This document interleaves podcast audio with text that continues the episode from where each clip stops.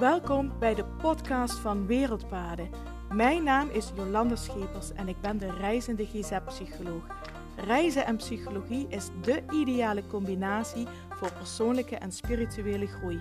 In mijn podcast deel ik verhalen en inzichten van over de hele wereld en uit mijn eigen ervaring om jou te inspireren om alles uit het leven te halen wat erin zit.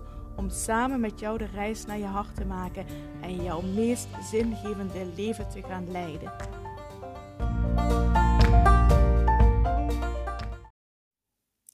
Hallo, hallo en super fijn dat je weer luistert naar de podcast van Wereldpartner. En het is vandaag vrijdag 20 mei 2022.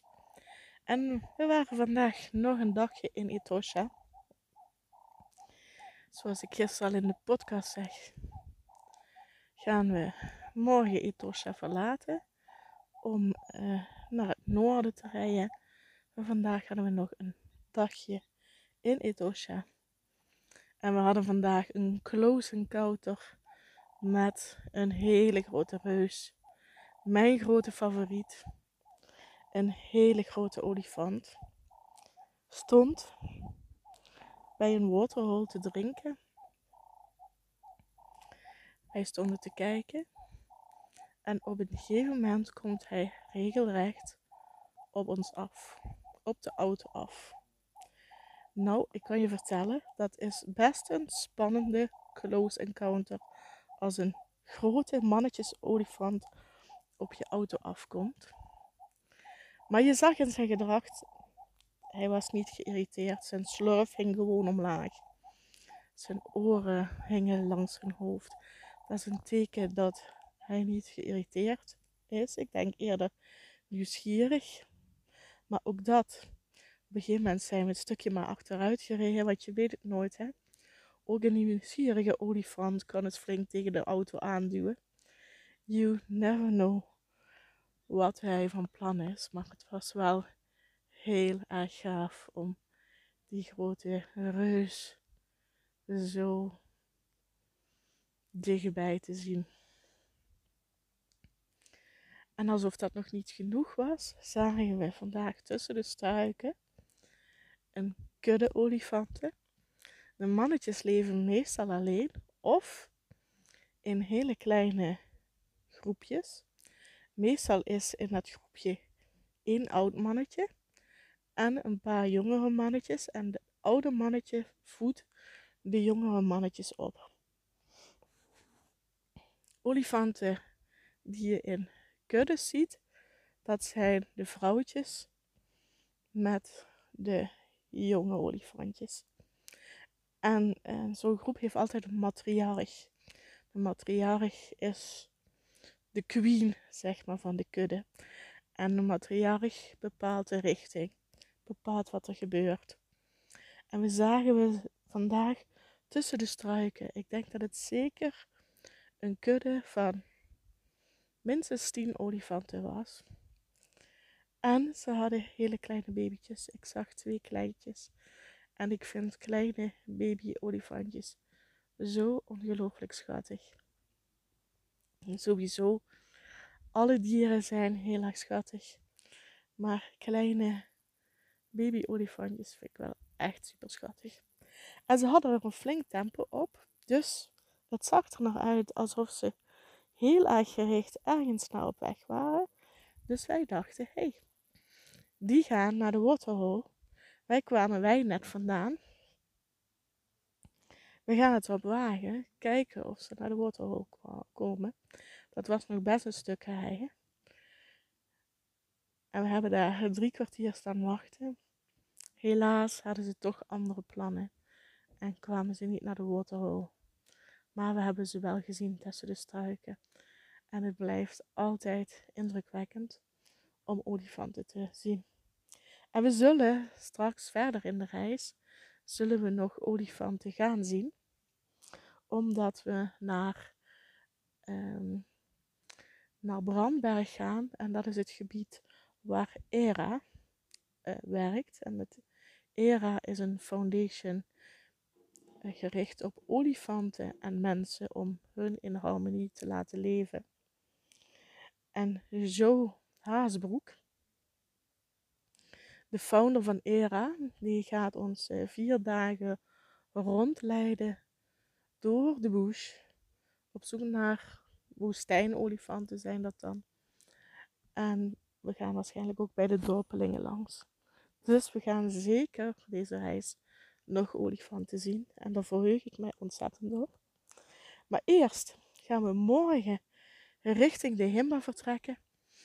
En daar heb ik ook ontzettend veel zin in. Ik ben echt heel erg benieuwd wat we daar gaan aantreffen.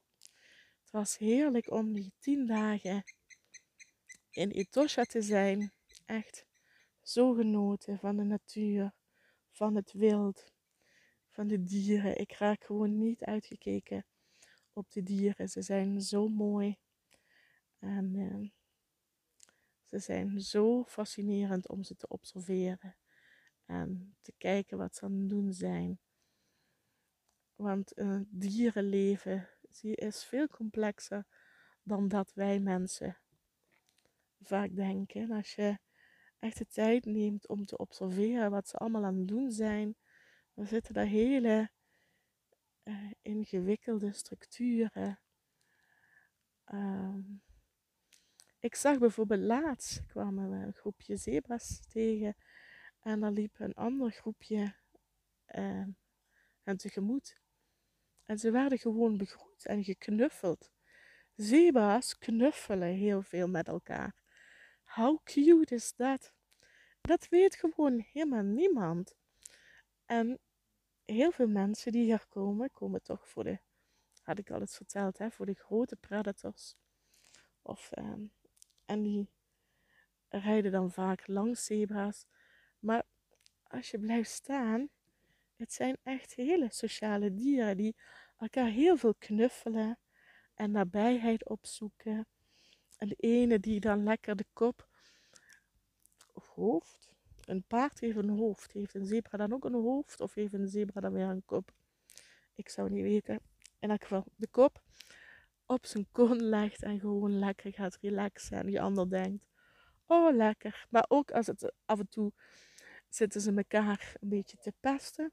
En dan krijgt de een gewoon een trap.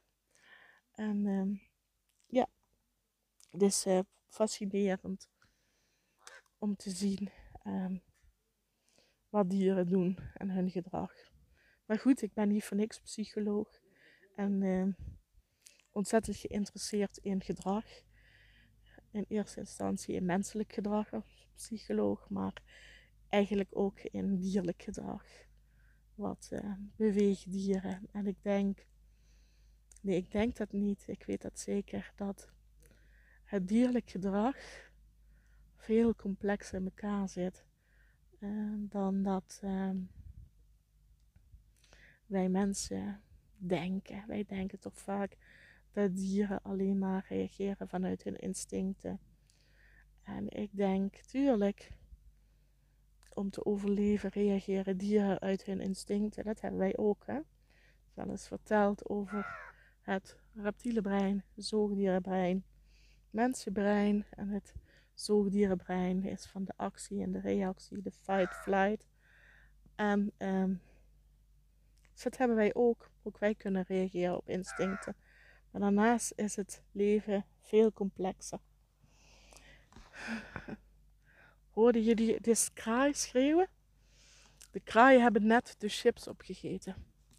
Ik had een lekker zakje chips. Dat had ik even in. Dat had ik even neergelegd. Toen was ik even in de tent gaan liggen. En toen zaten er opeens vier kraaien het zijn trouwens uh, hele mooie kraaien hier. Zwart en witte zijn best groot. De kraai die er nu zit is trouwens een zwarte kraai. Maar ook heel brutaal. Ik was even in de tent gaan liggen. Olaf ook even een uurtje slapen. En ondertussen heb de kraaien de chips opgegeten. En ook nog op onze tafel gepoept. Dankjewel. Het zijn uh, brutale apen. Maar goed, zo zie je dat je op de campsite ook gewoon tussen die dieren leeft. Grote dieren kunnen hier trouwens niet komen. Het is allemaal afgesloten voor het grote wild. Ze hoeven niet bang te zijn dat er opeens uh, een roofdier uh, voor onze neus staat. Zeg nooit nooit, maar hier staat een hek omheen. Dus die kans is klein. Maar kleine diertjes die komen natuurlijk door het hek heen. En vogels vliegen natuurlijk over het hek. En gisteren, ik zei gisteren in de podcast al hè, dat Olaf een slang had gezien. En um, gisteravond hadden we de afwas gedaan. We waren even aan het praten met een uh, mevrouw uit Zuid-Afrika. Of een koppel uit Zuid-Afrika. En die uh, mevrouw loopt opeens naar buiten en die roept haar man. Oh, kom kijken, hier is een slang. Zwij naar buiten. Oh, slang. En uh, daar kroop hij tussen het zand. Snel weg onder een struik. En ik moet je zeggen, een slang is heel mooi om te zien, maar ook ontzettend creepy. Want er leven in Afrika nogal een aantal hele giftige slangen. En nou zal een slang altijd, als hij de kans krijgt, ervoor kiezen om weg te vluchten. Dat was wat deze slang ook deed. Ik kroop snel weg. En gelukkig zijn slangen hele gevoelige dieren en voelen al heel snel de trillingen als je kunt komt aanlopen. Dus dan zullen ze meestal altijd wegkruipen. Maar goed, als ze je niet horen aankomen, dan zouden ze ook nog wel eens uit verdediging kunnen aanvallen. Dat is natuurlijk heel erg creepy als je bedenkt dat, het, uh, dat hier nogal wat giftige slangen zitten, zoals de black mamba en de pofadder. Zijn beide zeer giftig. En een beet uh, kan dodelijk zijn. Volgens mij van de black mamba, die is nog giftiger dan de pofadder, maar bij beide slangen kan de beet dodelijk zijn. We hebben laatst een man ontmoet, Hein Voslo, heb ik eerder over verteld in de podcast. Hij is ooit gebeten door een pofadder. Hij heeft daar ook foto's van laten zien. Uh, in zijn vinger was hij gebeten. Zijn vinger was echt heel dik, heel paars en blauw. En hij eh, heeft geluk gehad dat hij um, snel in het ziekenhuis was. En dat ze in het ziekenhuis um, heel wat ampullen antigif hadden. En dat heeft gemaakt dat hij het overleefd heeft. Maar een beet van een slang kan dus ook heel gevaarlijk en dodelijk zijn. Dus het blijven enge wezentjes. Ook al zien ze er mooi uit. Ik vind ze ook heel akelig. Ja. En nou um, is vandaag ook nog wel door mijn hoofd gegaan waar ik het gisteren over had in mijn podcast. Gisteren was ik er uh, ook heel erg door geraakt. En um, ja goed, dat is wel iets wat in mijn hoofd blijft spelen. En ik ga altijd vergelijken. Hè. Ik denk altijd, voor mijn gevoel, dat is de weg die ik uh, kies te gaan heb. Ik wil het leven begrijpen. Door overal op de wereld het leven te onderzoeken. En uh, hoe lief hoe leven mensen hier? Dat is ook waarom dat we hier zijn. Hè? We zijn nou tien dagen in Etosha geweest. Dat was voor ons ook omdat we ontzettend van de Afrikaanse natuur en vooral van het Afrikaanse wild houden. En dat echt heel gaaf vinden om wilde spotten, maar we zijn ook hier om ehm, te praten met mensen. Zoals Hein Voslo, daar hebben we mee gepraat. Hein is een survivaler. Heeft heel veel gesurvivald in de bush. Heel veel ervaring. De bosjesmannen. Ik heb eerder verteld over de bosjesmannen en de moeilijke situatie waarin zij zitten. Maar ook hen hebben we gevraagd: wat is the meaning of life? What makes you happy? What is the most important thing in your life? En morgen gaan we naar de Himba toe. En de Himba zullen we dit ook gaan vragen. En uiteindelijk, daarna gaan we naar Joe Haasbroek toe. Van het project voor de woestijnolifanten. Ook hem zullen we dat gaan vragen. En ook de mensen die daar in de dorpen wonen. En ik wil begrijpen hoe het leven in elkaar zit. En door te horen wat, hoe mensen, hoe het leven van mensen op andere plekken in de wereld in elkaar zit. Tegen welke problemen ze aanlopen. Niet de ogen te sluiten voor de problemen, voor de armoede, voor de uh, onderwijsproblemen, de gezondheidszorgproblemen en noem maar op.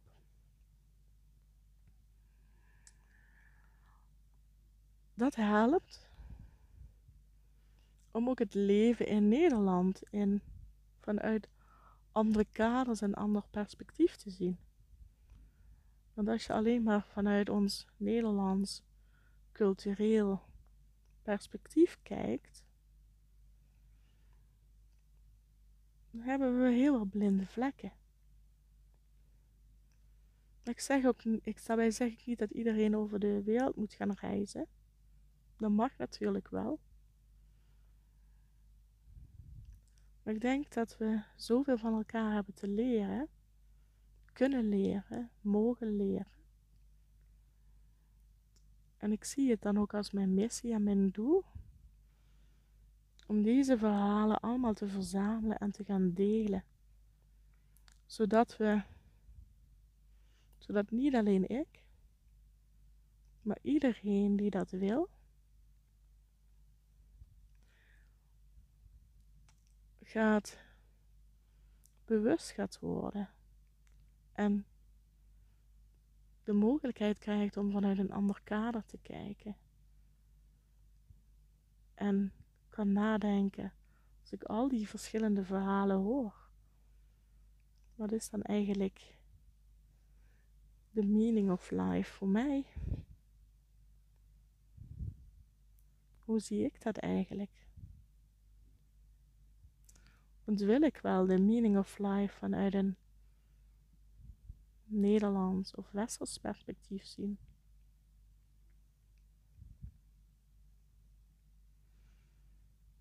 En ik heb me dat ook vaak afgevraagd. Hè? We zijn een van de rijkste landen ter wereld. We hebben alles. Letterlijk alles. Ik kom op veel plekken in de wereld en dan zeggen mensen: Jij, jullie komen uit Europa. De mooiste plek van de wereld om te wonen. En ik snap het. Ik snap het. Ik snap dat mensen in, in andere landen dit zeggen. En voor mij voelt dat ook zo. Ik voel me ontzettend bevoorrecht dat ik in Nederland, of in elk geval in Europa, ben geboren. Want het geeft mij zoveel mogelijkheden en ruimte en middelen om dit te kunnen doen.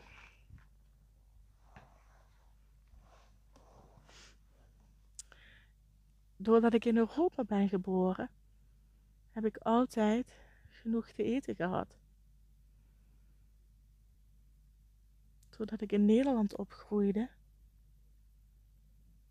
heb ik de kans gekregen om te studeren. Omdat in Nederland iedereen een kans krijgt om te studeren. Omdat ik in Nederland leef, heb ik voldoende financiële middelen om te reizen. Omdat ik in Nederland leef, zijn alle voorwaarden die belangrijk zijn in het leven, die zijn er. Dus er is ruimte om te kunnen nadenken over zingeving, spiritualiteit. Wat wil ik in mijn leven? Waarom ben ik hier? Wat vind ik belangrijk? Waar word ik gelukkig van? Je kunt je voorstellen dat als je niks te eten hebt, dat dat je grootste prioriteit in het leven is. Dat je niet elke dag bezig bent met wat wil ik eigenlijk in mijn leven? Wat vind ik belangrijk? Wat is? Dit is, wat ik nu benoem, is eigenlijk de piramide van Maslow. De piramide van Maslow onder in het fundament zit dat je eten en onderdak nodig hebt. Wat hoger in ehm, de piramide komt um, relaties met andere mensen. Nog wat hoger komt misschien uh, werk en, en nog wat hoger in de punt van de piramide komt zingeving. Zingeving, spiritualiteit. Maar als de rest er niet is, dan wordt dat heel moeilijk. En ik heb het enorme voorrecht dat ik in een land geboren ben waar die piramide er was. En waar ik eh,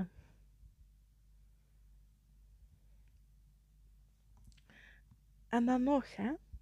Ik ben ontzettend dankbaar dat ik in Nederland geboren ben. Ik denk de meeste Nederlanders. Misschien denken de meeste Nederlanders er niet over na. Dat ze er dankbaar voor zijn. Maar als ze erover na zouden denken, zullen ze beamen. Ik had in geen beter land geboren kunnen worden dan in Nederland.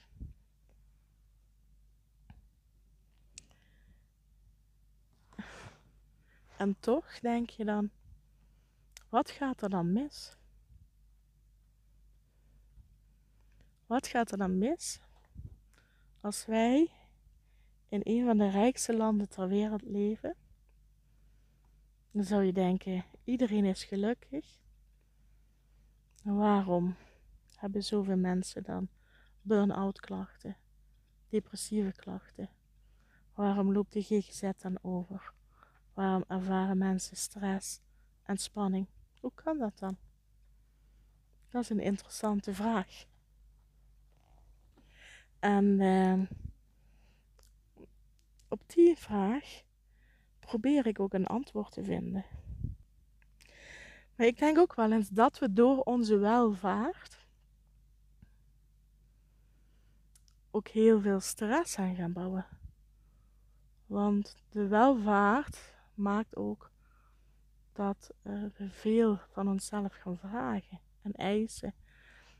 En de maatschappij veel van ons vraagt en eist. En vervolgens kom ik dan ook op het verhaal van gisteren terecht. Ik kan gewoon niet begrijpen dat we in, het, uh, in zo'n rijk land als Nederland zo met onze jeugdzorg omgaan. Ik denk dat is toch gewoon een heel slecht idee om alleen maar te bezuinigen en te bezuinigen en te bezuinigen. Net de jeugd heeft onze toekomst. En door over de wereld heen te reizen, door naar verhalen overal op de wereld te luisteren, ga ik dingen vanuit een ander perspectief zien. En denk ik heel vaak, absurd dat we dit doen in Nederland. Bizar.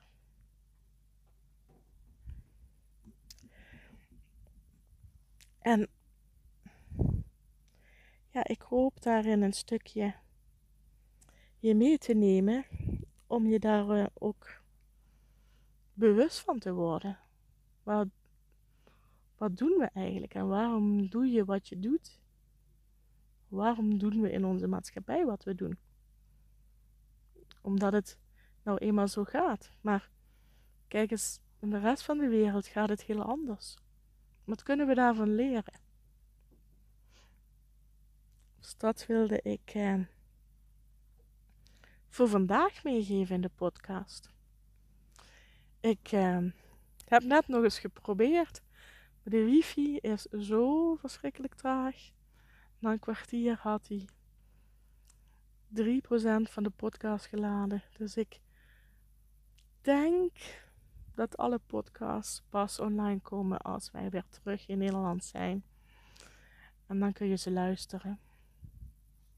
Ik heb Evie vandaag gevraagd. Hè. Evie post al heel veel berichtjes voor mij. Evie gevraagd of ze dat op eh, social media wil delen. Want ik kreeg al berichtjes van mensen die zich zorgen maakten om mij, om ons, omdat ze niks van ons hoorden. Ik zeg, met ons is alles verder prima. Maar we hebben gewoon geen wifi of hele slechte wifi. En uh, daar hebben we het mee te doen. Maar uh, de podcast hou je zeker te goed. En trouwens, misschien zie je trouwens ook allerlei berichtjes over uh, een retreat en over een, uh, wat er aan zit te komen, het zorgverlenersretreat. En allerlei berichtjes over een uh, live dag voor zorgprofessionals. En dan denk je, hoe kan dat dat Jolanda dat wel plaatst? Nou, ook dat plaats ik niet. Daar heb ik hele lieve dames voor. Zoals Evie, die plaatst dat vooral allemaal op social media. En Aurelia regelt dat via de mailing. Dus dat ben ik niet die dat stuurt. Maar ik ben heel blij en dankbaar dat, nou ik in Namibië zit, dat dat allemaal gewoon doorgaat. Allemaal gewoon doorloopt achter de schermen. Want zodra wij terugkomen, staan er weer een aantal mooie dingen op het programma. Maar daar ga ik, eh, als we weer terug zijn, ook eh, meer over vertellen. Ik zeg nu dankjewel voor het luisteren. En mocht je vragen of opmerkingen hebben of willen aangeven wat je van de podcast vindt, laat het me weten. Stuur me een berichtje via Instagram of Facebook of LinkedIn of een mailtje naar info.wereldpaden.nl. Nogmaals, waarschijnlijk gaat de podcast pas online als ik weer terug in Nederland ben. En dan zal ik de berichtjes ook meteen zien. Anders als het me nog lukt om de podcast online te zetten. Als we in Namibië zijn en ik zie de berichtjes niet, dan zal ik antwoorden zodra ik ze wel weer zie. Hey, dankjewel voor het luisteren en ik spreek je gauw weer. Groetjes, doei doei.